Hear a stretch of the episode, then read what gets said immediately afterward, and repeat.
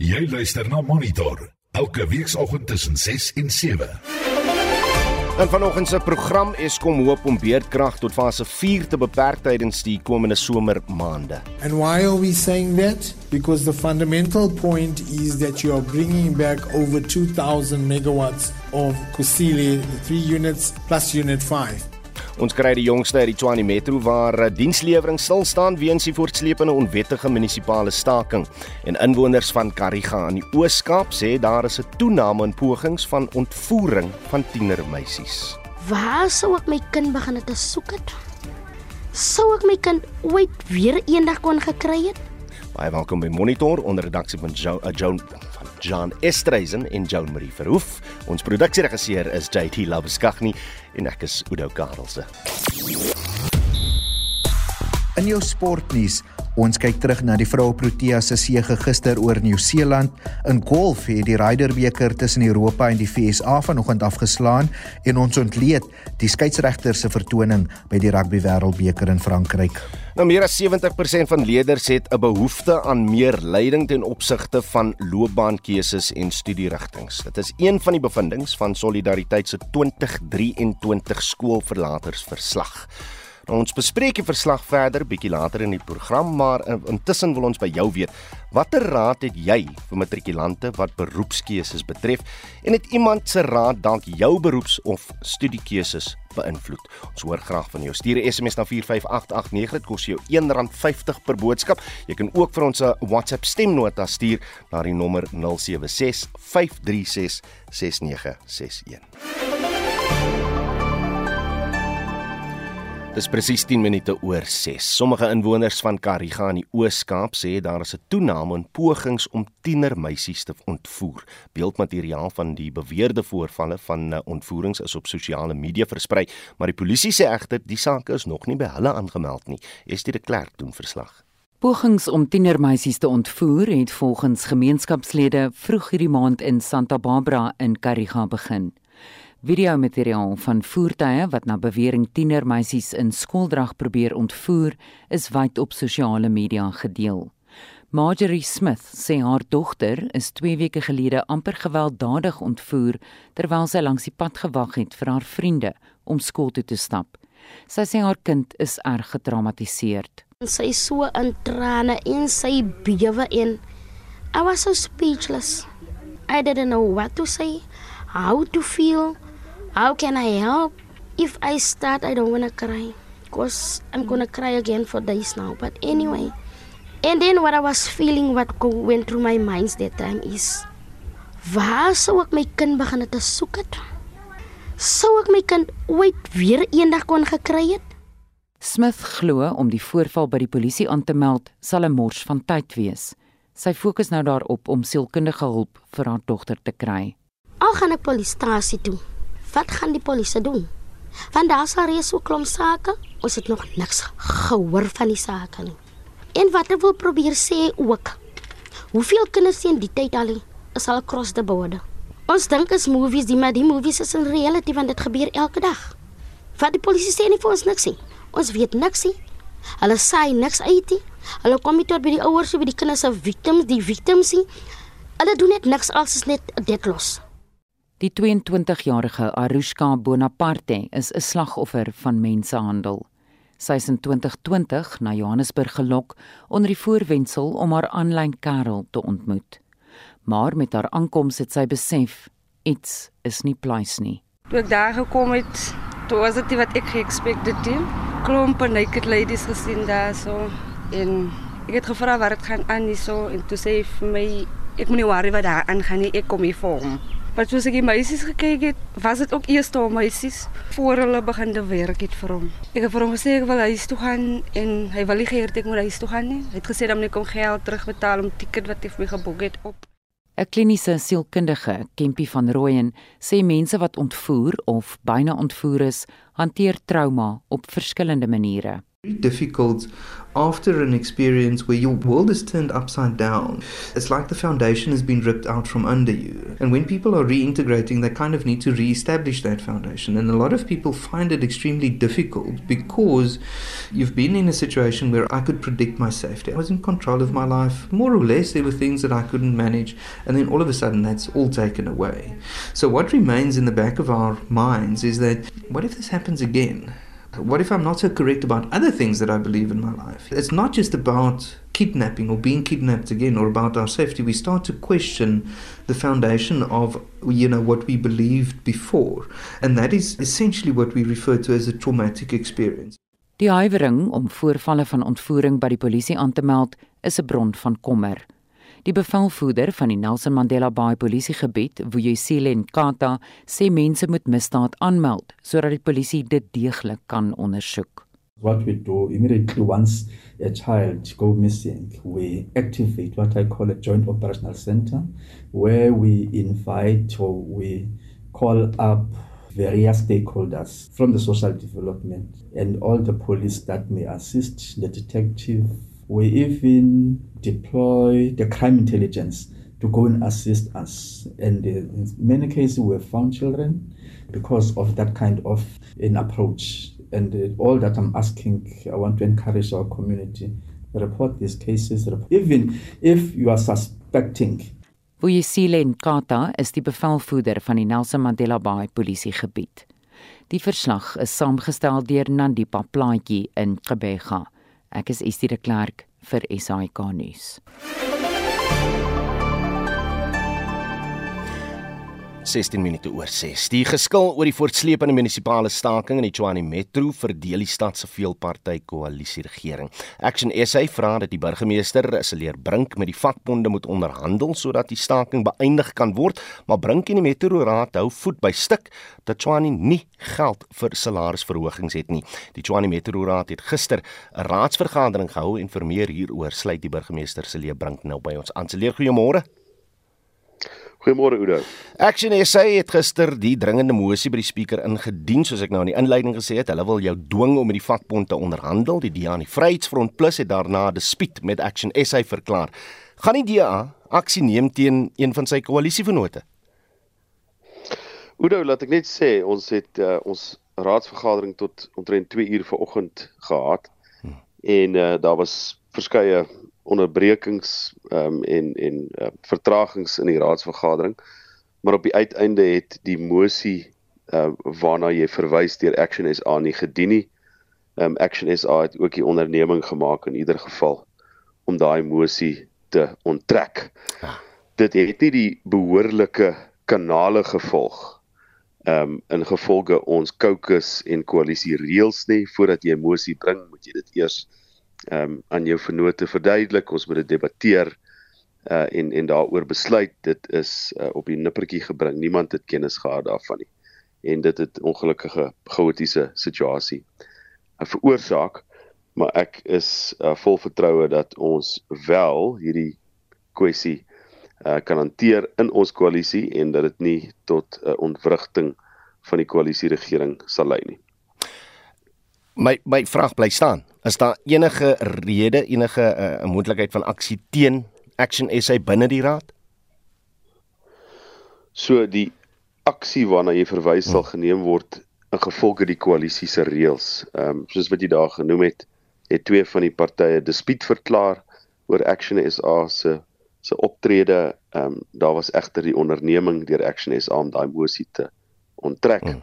So daar sal opgetree word of gehandel word met hierdie kwessie ingevolge die koalisie reëls. Ons het gelukkig redelik gesofistikeerde meganismes om met hierdie situasies ehm um, om hierdie situasies te hanteer.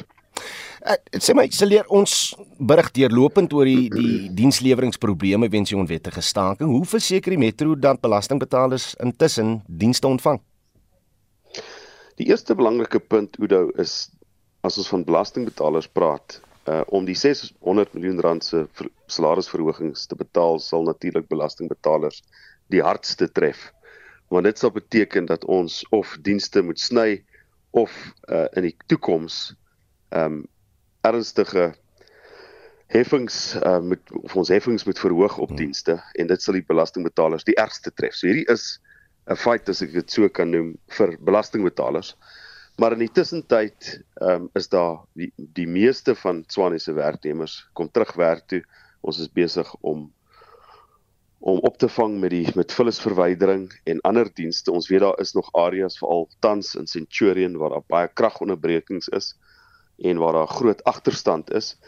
Maar die feit van die saak is dat hierdie staking wel gebreek word en uh solank ons volhou uh en solank ons dat die dispuut oor of die stad geld het al dan nie in die arbeidshof besleg word, hmm. dink ek dat uh, dienste is tot normaal sal terugkeer en en dat ons kan aanbeweeg van hierdie situasie. Dit was die uitvoerende burgemeester van die Tshwane Metro, Seleer Brink. Politieke onbestendigheid in plaaslike regering soos die Nelson Mandela Bay en die Tshwane Metro's plaas die kollig op die doeltreffendheid van koalisieregerings. Die uiteinde swak dienslewering, maar tot hoe mate het koalisieregerings se invloed op hoe metro's en munisipaliteite bestuur word? Met Sipana Merwe het eh, professor Pieter Dievenage van Akademie gevra om hierop te reageer. 'n Mens moet baie versigtige antwoord gee hieroor die bestuur van uh, beide hierdie metro's was ook nie goed onder die ANC se bestuur toe dit 'n redelike sterk meerderheid gehad het nie. So dit is nie noodwendig dink ek die rede vir koalisie dat die bestuur swak is nie. Ek dink 'n uh, belangrike rede dat dit nie goed gaan met die bestuur nie is dat die koalisies uiters prekêr is. Met ander woorde dat die koalisies nie baie stewig is nie. In die geval van Nelson Mandela Bay dink ek sukkel die DA met sy koalisie om by 50 uit te kom en in die geval van Swane is dit natuurlik so stede is effens anders met verwag dat Swane meer stabiel is en dat dit beter gaan daar maar ek dink daar is 'n groot proses aan die gang veral vanaf die ANC se provinsiale regering om Swane so onstabiel as moontlik te maak sodat die koalisie regering nie goed lyk nie. So dit hang af van die politieke kragte en so ding. Dink jy daar is 'n swakheid in koalisie regering wanneer dit kom by bestuur? Nee, ek dink nie noodwendig nie. Dit hang van konteks tot konteks af. Ek dink nie in beginsel is koalisie bestuur swak nie. Dit hang net af wat die aard van koalisie bestuur is en hoeveel meer as 50% daardie bepaalde koalisies in 'n metro het. En hier weer eens wil ek beklemtoon in die geval van Tshwane behoort dit eintlik goed te werk, maar daar het jy vakbonde wat eenvoudig die appelkar wil omgooi. In ander metro's soos Nelson Mandela Bay en Johannesburg sukkel die koalisies om bo 50 uit te kom en ons weet in Johannesburg het die EFF en die ANC se huwelik ook nou tot 'n einde gekom. In die praktyk sukkel ons nog is dit amper 'n proses van wil ek beskryf van tande kry. En dat ons nog baie jonk is met koalisies maar ek kan nie sien net sê dat ons 'n ander rigting kan inslaan in die toekoms as een van koalisies wat al hoe meer prominent in Suid-Afrika gaan word nie. Want die alternatief is nou maar net een party gedomeineerde stelsel wat ons verlede was en ons het gesien dit het ook absoluut nie gewerk nie Maar onbestendigheid is op die oomblik die karaktertrek van hierdie koalisie regerings. Dink jy dat die voorgeskrewe wetgewing kan 'n verskil maak? Ek dink die wetgewing kan 'n verskil maak, maar dit sal nog baie baie goed bemiddel moet word tussen al die partye. Ek dink die eerste vergadering was hier in Augustus.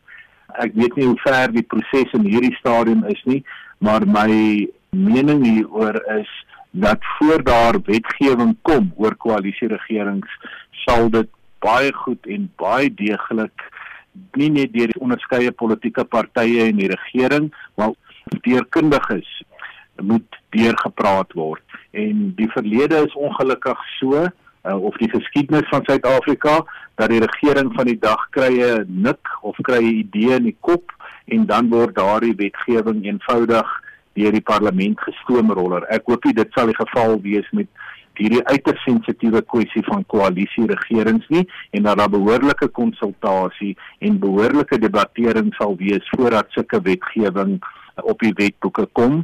Dit is in beginsel ook nie 'n verkeerde idee nie, maar dit moet vir Suid-Afrika en sy omstandighede so goed as moontlik ontwikkel word sodat al die betrokkenes daardeur positief bevoordeel word.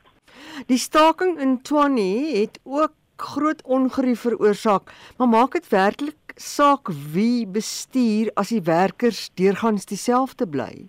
Nee, ek dink dit maak saak wie bestuur en ek dink wat in Tshwane aan die gang is is dat die koalisie daar het 'n kans om goed te kan regeer. Maar dit gaan beteken dat die bestuur van Tshwane sal op 'n ander manier moet funksioneer as in die verlede. Met ander woorde, die regerende party wat nou 'n koalisie is, sal die amptenare graag agter hulle wil inkry. Die amptenare en die werkers sodat hulle saam inkoop in die koalisie regering in Tswane se idee en se filosofie van bestuur en ongelukkig is baie van hierdie amptenare en baie van die werkers nog deel van die ou ANC manier van dinge doen en ek dink dit is die spanning wat in Swane aan die gang is. Professor Pieter Dievenage is 'n politieke ontleder van Akademia en hy daar met ons Mitsie van der Merwe gepraat.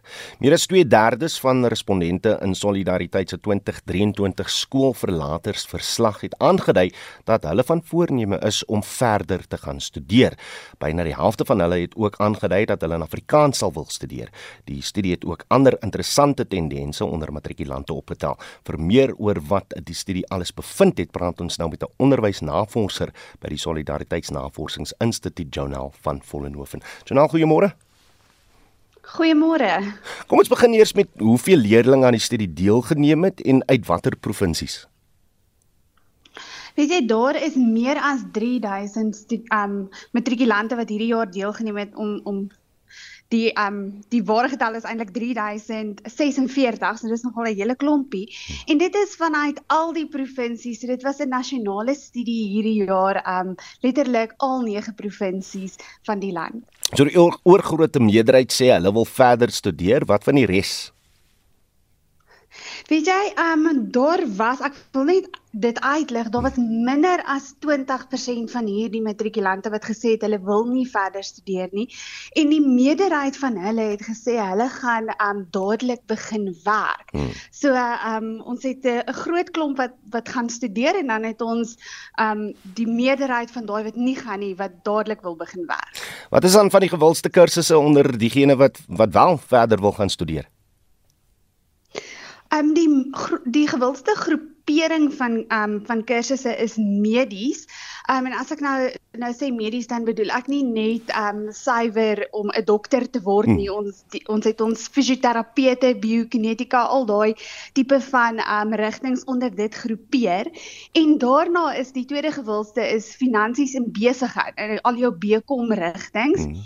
En dan um die een kursus wat die wat die gewildste is wat die meeste kinders wil gaan studeer is dan onderwys. Mm. Um daar was 172 um van hierdie kinders wat gesê het hulle wil volgende jaar onderwys gaan studeer. Ek het nou net gewonder of julle nou net die slimstes gebruik het in die navorsing. maar maar kom ek vra ek, ek sien as is interessante goed wat uit die navorsing uitkom oor moedertaalonderrig spesifiek Afrikaans. Ja, dit is dit is altyd lekker om te sien meer as 73% van hierdie uh, matrikulante het aangedui dat hulle baie positief oor Afrikaans as onderrigtaal is en dan het um, amper 50% van hulle gesê maar hulle wil ook verder studeer in Afrikaans. So as hulle nou gaan studeer wil hulle nie in 'n ander taal onderrig ontvang nie. En ons het hulle toe nou gevra hoekom en ehm um, die antwoorde was was eintlik baie voor die hand liggend. Ehm um, jy weet vir ons wat wat moedertaalvegters is, wat sê, maar dis my huistaal, dis my moedertaal. Hmm. Dit is die die taal wat ek verstaan, wat ek my ehm um, my begrippe kan instudeer en en dit is die taal waarin ek presteer. So hierdie ouetjies verstaan die waarde van van moedertaalonderrig. Nou ek was onder die indruk dat uh beroepskeuses uh studierigtings deel van die kurrikulum is, maar maar die leerdlinge wat uh, deel was van die navorsing sê hulle het 'n reuse behoefte aan beter leiding. Ja, ek dink ons moet um 'n onderskeid tref tussen vakinhoud en werklike um leiding wat wat tot 'n uh, individuele leerder spreek. Mm. Um jy weet binne in 'n vak um soos lewer lewensoriëntering sit jy in 'n klas en jy moet 'n werksopdrag doen vir punte. Waar wanneer um jy leiding ontvang wat tot jou persoon spreek, is dit regtig wanneer daar diep gedelf kan word in in jou ehm um, wese en jy jou roeping kan vind. En ek dink dit is eintlik waar die kinders voel hulle het 'n leemte. Hulle weet nie regtig wat wat hulle 'n passie is of wat hulle belangstelling is nie. En dit is dan ook hoekom ehm um, belangstellingsbepalers en be, ehm um, beroepsvoorleiding daai toetse hmm. so ehm um, so belangrik is vir hulle. Reg, julle sit nou met baie belangrike en interessante inligting. Wat gaan julle daarmee maak? Weet jy jy's um, om aan te sluit by die vorige vraag, solidariteit jeug um het jy 'n aanbod op solidariteit se platform vir skooliere en dit vat regtig jou hand ek wil sê van van standaard uh, van graad 8 af wil ek nou soos in die ou dae praat van graad 8 af wat jy um waar ons beroepsvoorligting vir hierdie kinders bied. Daar is um video's oor vakkeuses, daar is um skakels na um toetse vir um belangstellingstoetse en um, rigtingbepalers en dis werklik 'n 'n ons wil sê jou loopbaanpad wat daar begin wat ons um, sê maar kom ons kyk wat spreek tot jou hoe kan hmm. ons jou jou roeping vind sodat jy um, die regte loopbaan kan kies die regte vakke kan kies sodat jy uiteindelik eendag um, nie net kan studeer nie maar dan ook jou die loopbaan wat wat die beste vir jou is okay. um, kan doen en, en is op julle webwerf Dit is op ons webwerf. Ja, daar ehm um, solidariteit.co.za. Ehm um, dan kan hulle die verslag daarso sien. Reg, ons daar gepraat met 'n onderwysnavorser by die Solidariteit Navorsingsinstituut Journal van Vollenhoven. Jy luister na Monitor elke weekoggend tussen 6 en 7. 6:31 in die tweede helfte van ons program. Eskom het besluit om na regsdruk belangrike inligting oor veiligheidskwessies by die Kuiberg kernkragstasie bekend te maak. En skeieregters se beslissings tydens wedstryde by die Rugby Wêreldbeker is aan die kollig. Ons praat hieroor met 'n voormalige toetskeieregter, Freek Burger. Bly ingeskakel. Reg soos jy net daar gehoor het, meer as 70% van leerders het 'n behoefte aan meer leiding ten opsigte van loopbaankeuses en studierigtinge. Dis een van die bevindinge van Solidariteit se 2023 skoolverlaters verslag. Ons bespreek die verslag, wel, ons het nou net die verslag bespreek en uh, ons by jou weet watter raad het jy vir matrikulante wat beroepskeuses betref? Het iemand se raad dalk jou beroeps- of studiekeuses beïnvloed? Ek onthou net 'n geskiedenis onnie wat my na sy kantoor toe ontbied dit. Ek het daar gaan staan voor hom en hy het my gevra wat wil jy wees? Toe sê ek ek wil self 'n onnie wees. Toe sê nee. Enigste rede hoekom jy 'n onderwyser wil wees is omdat jy van skool gehou het. So verlaat hom my kantoor en 'n week se tyd kom praat jy weer. Ons het na dit nooit weer gepraat nie. So, het iemand jou beroepskeuses beïnvloed? Laat weet, ons hoor graag van jou. Stuur 'n SMS na 45889, dit kos jou eerder aan 50 per boodskap. Jy kan ook 'n WhatsApp stemnota stuur na die nommer 0765366961. Die aanrandingssaak van dat jong president Paul Mashatile se beskermingseenheid is tot November uitgestel vir verdere ondersoek. Die saak hou verband met 'n video wat vroeër jaar op sosiale media versprei het waarin lede van Mashatile se beskermingseenheid drie mense op die N in N1 in Johannesburg ernstig aanrand.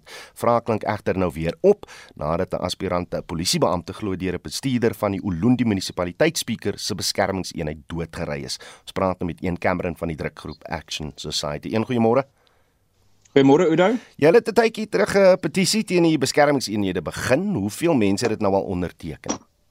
Ons het so uh, ongeveer so net onder die 20000 handtekeninge gekry. Ehm um, en ek en ek dink, jy weet ons ons hardloop dit maar deurloop en soos wat hierdie saak verloop, ek dink nie 'n mens met te vinnig uh iets soos dit afsluit nie uh interessant ons het 'n abnormale hoeveelheid uh boodskappe en eposse gekry van mense wat soortgelyke stories deel hmm. van wat met hulle gebeur het. So ek dink dit is baie baie meer algemeen as wat ons besef. Jou standpunt is baie duidelik weg met die blou lig brigade, maar is dit raadsaam plaas dit nie politieke elite ons politieke elite in gevaar nie? Ehm um, kyk ek ek sê weg met die huidige stelsel. Ek sê herstruktureer, maak seker dat daar waar daar werklik beskerming nodig is, dat dit met die nodige risikoassessering of of bedreigingsassessering gepaard gaan en uh, en gaan kyk dan volgens daai waardering wie watter beskerming nodig het. Ek hmm. dink egter die uitdaging op die stadium veral wat Paul Mashatile en Cyril Ramaphosa se beskerming betref is dat Wally Rode rapporteer omtrent direk aan die president en aan die nasionale kommissaris en en dit skep 'n baie baie gevaarlike presedent want hulle val nie onder 'n gewone polisie divisie hmm. nie en dit skep eintlik 'n bietjie van 'n politieke eysterfees vir wie ook al adjunk en dan natuurlik president is. So uh, ons sê herstruktureer, maak seker dat dit 'n bevoegde etiese liggaam is en dit moenie 'n 'n politieke polisie diens wees wat uh, wat 'n baie klein groepie elite politikuste dien nie. Ek seker jy jy het bietjie meer inligting tot jou beskikking. Praat bietjie oor hierdie polisiebeampte, die jong polisiebeampte in KwaZulu-Natal. Wat het daar wat presies het daar gebeur?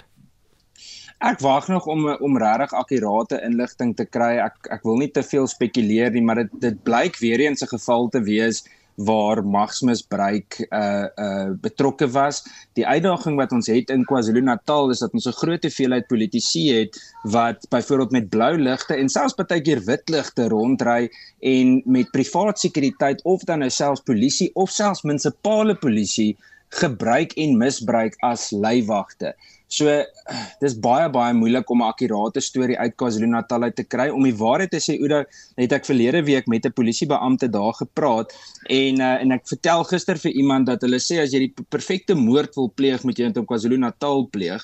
Ehm um, want die polisie het nie die vermoë om jou regtig te vang nie. Nou daar's 'n dis dalk 'n gesprek op sy hmm. eie, maar hoe ek dit koppel aan hierdie ehm um, sogenaamde VIP uh of of uh, belangrike persoon beskermingseenheid is dat dit amper jy weet 'n reg op sy eie is. Jy kan doen wat jy wil sonder enige nagevolge en dit blyk ongelukkig dat die nuutste geval weer so iets mag wees. Reg, die saak teen die adjunk president se beskermingseenheid, is daar enige aanduidings van wat ons tot dusver gesien het oor uh, hoe hierdie saak in November gaan uitspeel? sal baie interessant wees. Ons het gesê dit sal die finale uh spyker in die kus van vertroue in die polisie wees. Ek dink baie mense dink daai vertroue is in elk geval reeds weg. Ek voel op baie dae ongelukkig so, maar ek moet sê, ehm um, dit is goed om te sien met watter erns Oopot die saak uh aangepak het. Dit is ook interessant dat daar reeds twee van die verdedigingsprokureurs onttrek het van die saak, hulle self verskoon het. So ek ek wil dink dat daar wesenlike politieke inmenging is. Ons het dit reeds gesien met die aanloop van die ondersoek, nie net van die van die weermag se kant af nie, maar ook van ander oorde in die in die staat. So ons sal sien wat in November gebeur. Wat my wel bekommer Udo is dit blyk dat hierdie beamptes nog steeds in diens is van die polisie. Die polisie weier om enige navrae daaroor uh, te beantwoord. Ja, maar wag, is, is hulle nie geskort nie?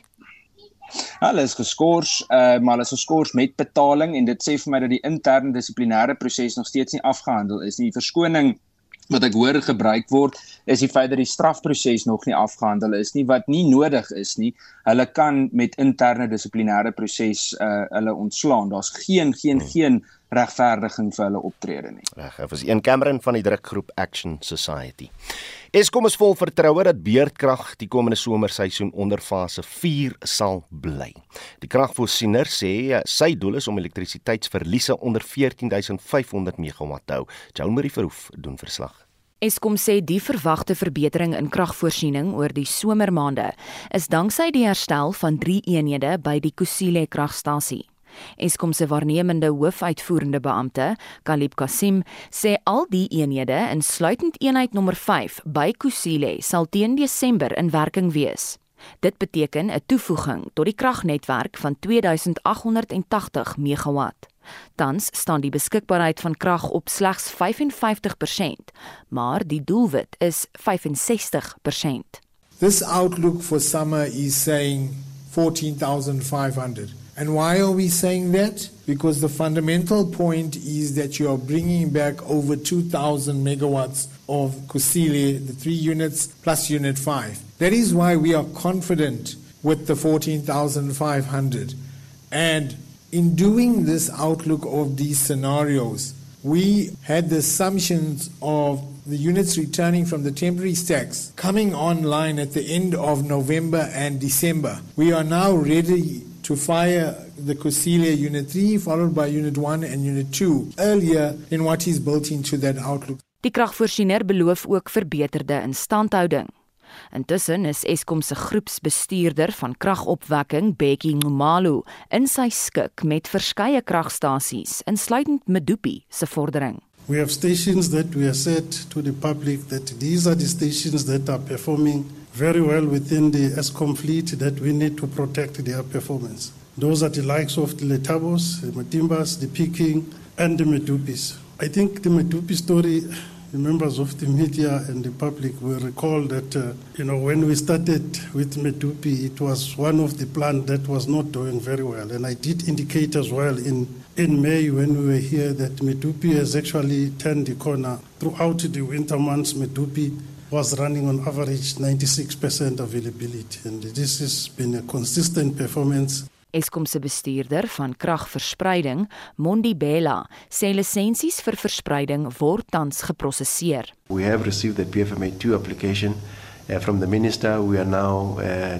taking the next steps in terms of merger agreements and also uh, we had also taken the view that uh, we will wait for the transmission licenses uh, to be finalized. They have now been finalized. So we are now in the process of uh, finalizing our applications for the distribution uh, licenses.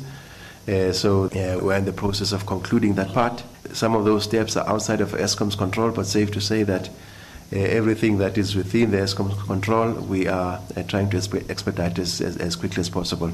Volgens Eskom sal Kuiberg se stoomopwekker teen 3 November weer op die been wees, alhoewel dit nie 'n noemenswaardige verskil aan kragvoorsiening in die geheel sal maak nie.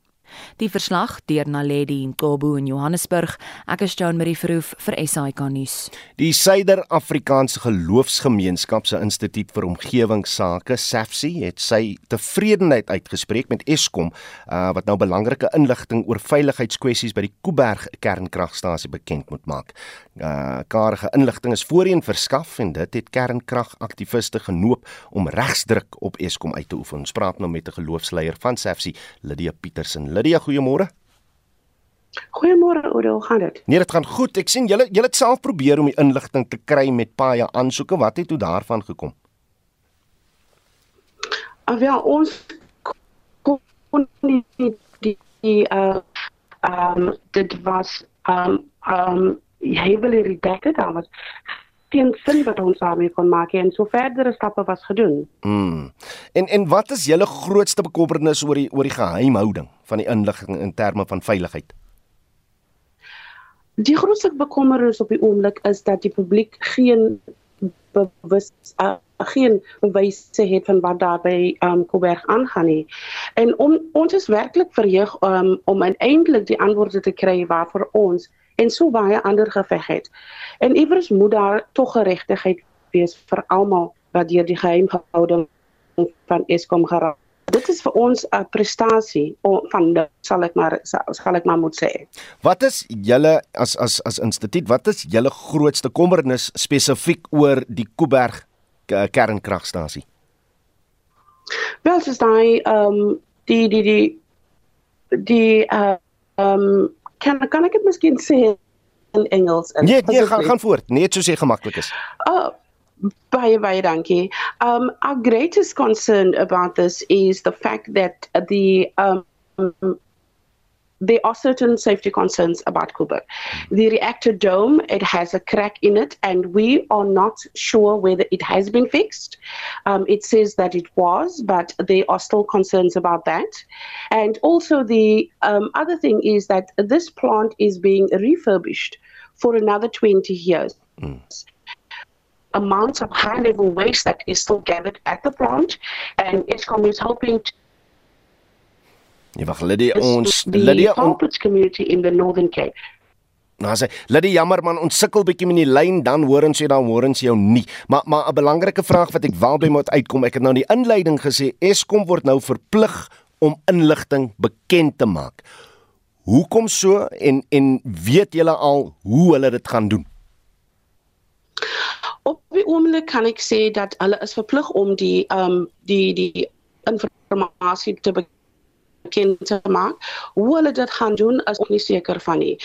Maar ehm um, as dit sal uitkom, sal ons nou ehm um, dit verder bestudeer as wat die inligting eintlik is. Mm. En dan sal ons maar weet watter stappe om verder te doen en ook om vas te stel hoe ons wat ons volgende stappe sal wees in verband met hoe ons te gaan reageer op die inligting wat hulle sal bekend maak.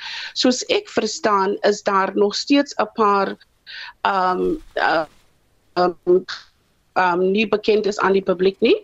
Um dit is verband met um veiligheid van die stasie hmm. van die aanleg en um onder andere maar so Lydia, ek dink ons ons gaan dit ver, um, verseker wat gaan gebeur nie. As hy ons gaan dit daar los, die lyn nie van die beste nie, maar dis Lydia Petersen van die Suider-Afrikaanse Geloofsgemeenskap se Instituut vir Omgewingsake, SAFSI. Ons fokus van dese maand onder meer op hondstolheid. Anita Visser het 'n vrou opgespoor wat deur 'n hondstol ratel gebyt is en die aanval oorleef het. Hier is haar verhaal. Die 41-jarige Candice Jagger bly naby die wieg van die mensdom in Gauteng op 'n plaas, ideale teelaarde vir hondstolheid. Toe haar buurvrou 2 jaar gelede tydens die COVID-pandemie deur 'n ratel gebyt is, het sy ingespring om die geveg te stop en is in die proses self gebyt. When I got very close, she was already lying on the ground and she was covering her head. It was biting her wrists and her arms to try and get to her, and she was trying to protect herself. The only thing that I could pick up, which was close by, was a big metal square lid which we put over the dustbin so that the monkeys can't get the rubbish. And I hit the honey badger on the side of its head. And in that time, she managed to get up and go inside. But the honey badger was sort of stunned and he stopped and he looked at me and he shook his head and he sort of ran away and then he thought no ways i'm coming back and he came back towards me that's when he bit me on my legs and i just had to carry on hitting him to try and get him away. But they're quite relentless animals. They don't stop Harman Jason het die ratel doodgeskiet waarna 'n veearts bevestig het die dier was hondstol. Intussen is almal hospitaal toe om 'n teenmiddel te kry.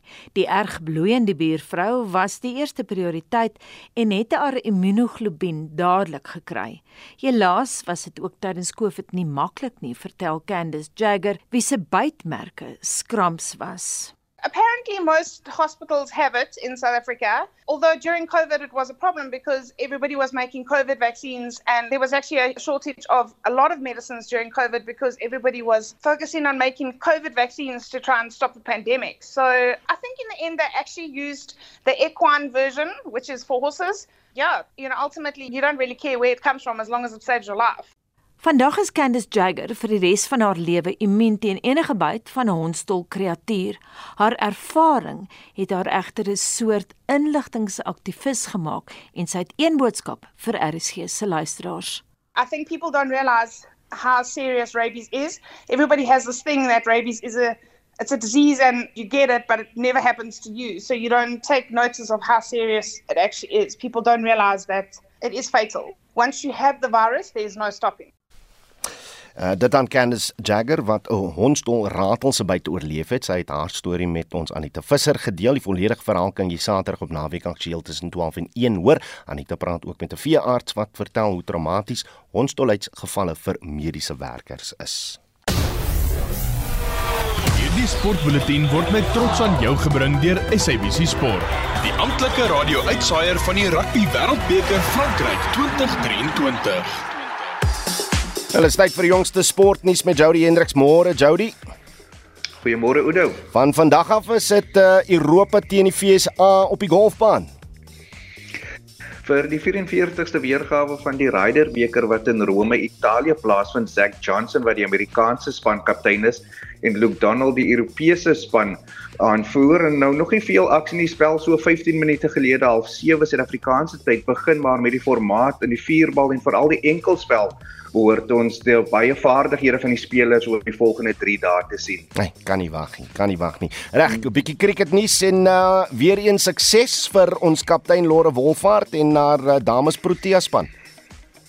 Ja, sy was die uitblinker gister met 'n 124 nie uit nie en sodoende word sy ook die eerste vroue speler vir die Proteas om 400 tal in eendag wedstryde aan te teken. Hulle het vir Nieu-Seeland met 7 paaltjies geklop en sodoende ook die reeks ingepalm en Nieu-Seeland wat 'n honde 253 aangeteken het. Amelia Kerr was al beste golfer met 88 en soos ek gesê het Laura Wolfhard 124 nie uit nie om die span te help en ook hulle is nou in die tweede plek op die wêreldbeker kwalifiserings um lys om vir die wêreldbeker te kwalifiseer. Die laaste wedstryd in die reeks teen Nieu-Seeland word Sondag gespeel. Reg, rugby wêreldbeker toe en Japan sien ek het homself mooi in die pylvak gehou vir 'n plek in die kwart eindstryd en uh, daar daar bestaan so 'n klein moontlikheid dat daar vandag 'n groot skok kan kom vir die All Blacks. Klein moontlikheid. Ja, die Japan het gisteraan vir Samoa 28-22 geklop en hulle is nou tweede in groep D. In groep A pak Italië en die All Blacks mekaar vanaand om 9uur. Nou ek het verlede week vir jou gesê die eens magtige All Blacks en dit is presies so want hulle veg vir oorlewing en hulle moet wen vanaand teen Italië om vir die uitspelrondes te kwalifiseer. Natuurlik ook nog 'n belangrike wedstryd uit Suid-Afrikaanse oogpunt is eh, die Bokke se kragmeting Sondag aand om 9uur teen Tonga.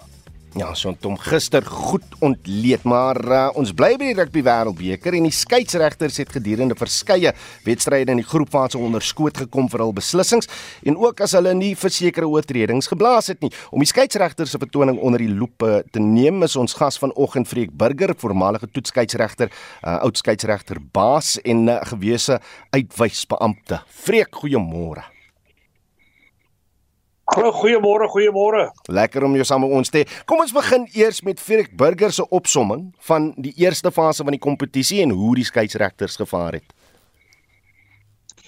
Uh, nou ja, ek dink onmiddellik uh in twee kategorieë. Hmm. Uitstaande op hierdie stadium is is soos Wayne Barnes. Ons Jaco Piper baie baie goed geblaas vir gisteraand en ek is trots op hom en ek hoop net uh ons speel as ons die finaal speel kan jy kon nie finaal blaas nie. So daar's vir ons 'n bonuspunt en en en Wayne Bonds en dan en dan en dan ehm um, uh, Gardner definitief al klaar twee kategorieë van skeieregters wat ehm uh, wat uitstaan. Uh, nie maklik nie. Ek dink op hierdie stadium is hulle groot, hulle groot soort van uh, slaggat die kaarte, mm. die geel kaarte en die rooi kaarte wat op die oomblik in my opinie 'n bietjie die rugby bederf want jy kan nie 15 teen 13 speel nie maar hulle het instruksies ensovoorts. Koppe moet uitwees as jy oomblik wat jy die koppe gaan kap gaan daar probleme wees. So die afrigters sal moet baie baie mooi gaan kyk na die manier wat hulle spelers afrig nou dat jy wegbly van die kop van die baldraer laer gaan vir 'n doodvat om om te verseker hmm. dat jy met jou 15 spelers kan speel. Dis die probleem. Jody, ek weet jy wil by die Ierland wedstryd en Ben O'Keefe se blaas in hy wedstryd uitkom. Ek wil net net 'n opvolg, net 'n vinnige opvolgvraag. Ek gebruik byvoorbeeld hmm. nou net 'n rooi kaart van Johan Duisel van Namibië uh teen Antoine Dupont vreek. Uh, ons word later gesê hy's van 12 wedstryde na 6 wedstryde uh uh verander die die skorsing en omdat hy nou na die sogenaamde Scrum skool toe gaan, nog 'n verdere wedstryd is is is nou opgeskort en hy hy's hy nou vir 5 wedstryde geskort. Maar maar moet wêreld rugby dan nie die verantwoordelikheid het om met die hele rugby wêreld te deel wat hierdie versagtende omstandighede is wat hulle in ag neem nie. Ja, oor baie baie definitief. Ek het met drie wêreldbekers opgetree en, en as as uitwysbeamptes en dis 'n baie moeilike probleem. Die probleem op hierdie stadium is dat daar is verskillende tugkomitees en verskillende verhoorkomitees. Maar daai ding moet ehm uh, konsekwent gedoen word. Ek weet regtig waar gisteraand was daar weer 'n 'n 'n rooi kaart hmm. gewees. Ek sou baie graag wil sien ehm uh, wat die straf gaan wees. Uh, hy was presies dieselfde as Duisel, maar Duisel is weggekom met hulle het hom hulle het hom moord met hom weggekom en die ander manne kry minder straf. So daai konsekwentheid het 'n baie groot effek en en en ons kan dit nie toelaat by 'n uh, kompetisie soos die Wêreldbeker nie. Ja, net gou vreek, eh, ek weet jy of jy wil 'n kommentaar gee oor Beno Kief nie, maar ook uh, die samewerking tussen die skeieregter, lynregter en televisie skeieregter, werk die benadering die formule vir jou? Uh, baie definitief dan seker van van van van die van die insidente veral. Want dit gaan oor drie wat gedruk word wat hmm. jy wil regkry Ehm uh, waar jy kan sien met die blote oog kon niemand dit sien nie. Ons het nou die aand gesien in 'n wedstryd daar by die doodlyn het iemand gaan druk. En ek het hom, ek het hom geslou-mou. Ek het hom geslou-mou daarso en daar kon jy wel optel. Dit is wel 'n 3. So daai is by bitter bitter belangrike beslissings, veral by die toekenning van punte. 3 3 3. Maar maar maar ek sê ek sê dit weer dat die spel word nie in slou-mou gespeel nie. En en veral hierdie hierdie kopstampe moet hulle miskien in normale spoed kyk en sê, "Right, kom ons speel aan. Kom ons speel aan." Maar nou speel hulle hom terug en nou sien jy, o oh, nee, die kop het gestap, geel kaart, rooi kaart en wêreld rugby sal moet ernstig dink daaraan, maar ook en my voorstel was gewees vervang die speler onmiddellik dat hulle 15 teen 15 het en doen jou huiswerk maandag of dinsdag.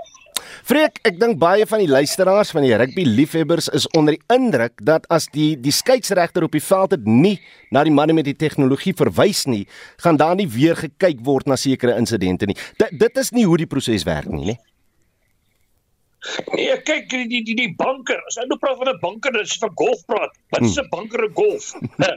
Dis 'n moeilike, is 'n moeilike een om in te wees. So ek dink die banker wat ingebring het, ja, Hulle praat van om tyd te bespaar om die ding vinniger af te handel. Maar my probleem nou is wat het vir die keiser 'n rooi kaart geword? Het hom het hom by die huis gelos. Want geen rooi kaarte word meer gegee nie. So uh, uh, op die oomblik, op die oomblik word daai gegee deur 'n banker, nie die televisieskeiserat nie.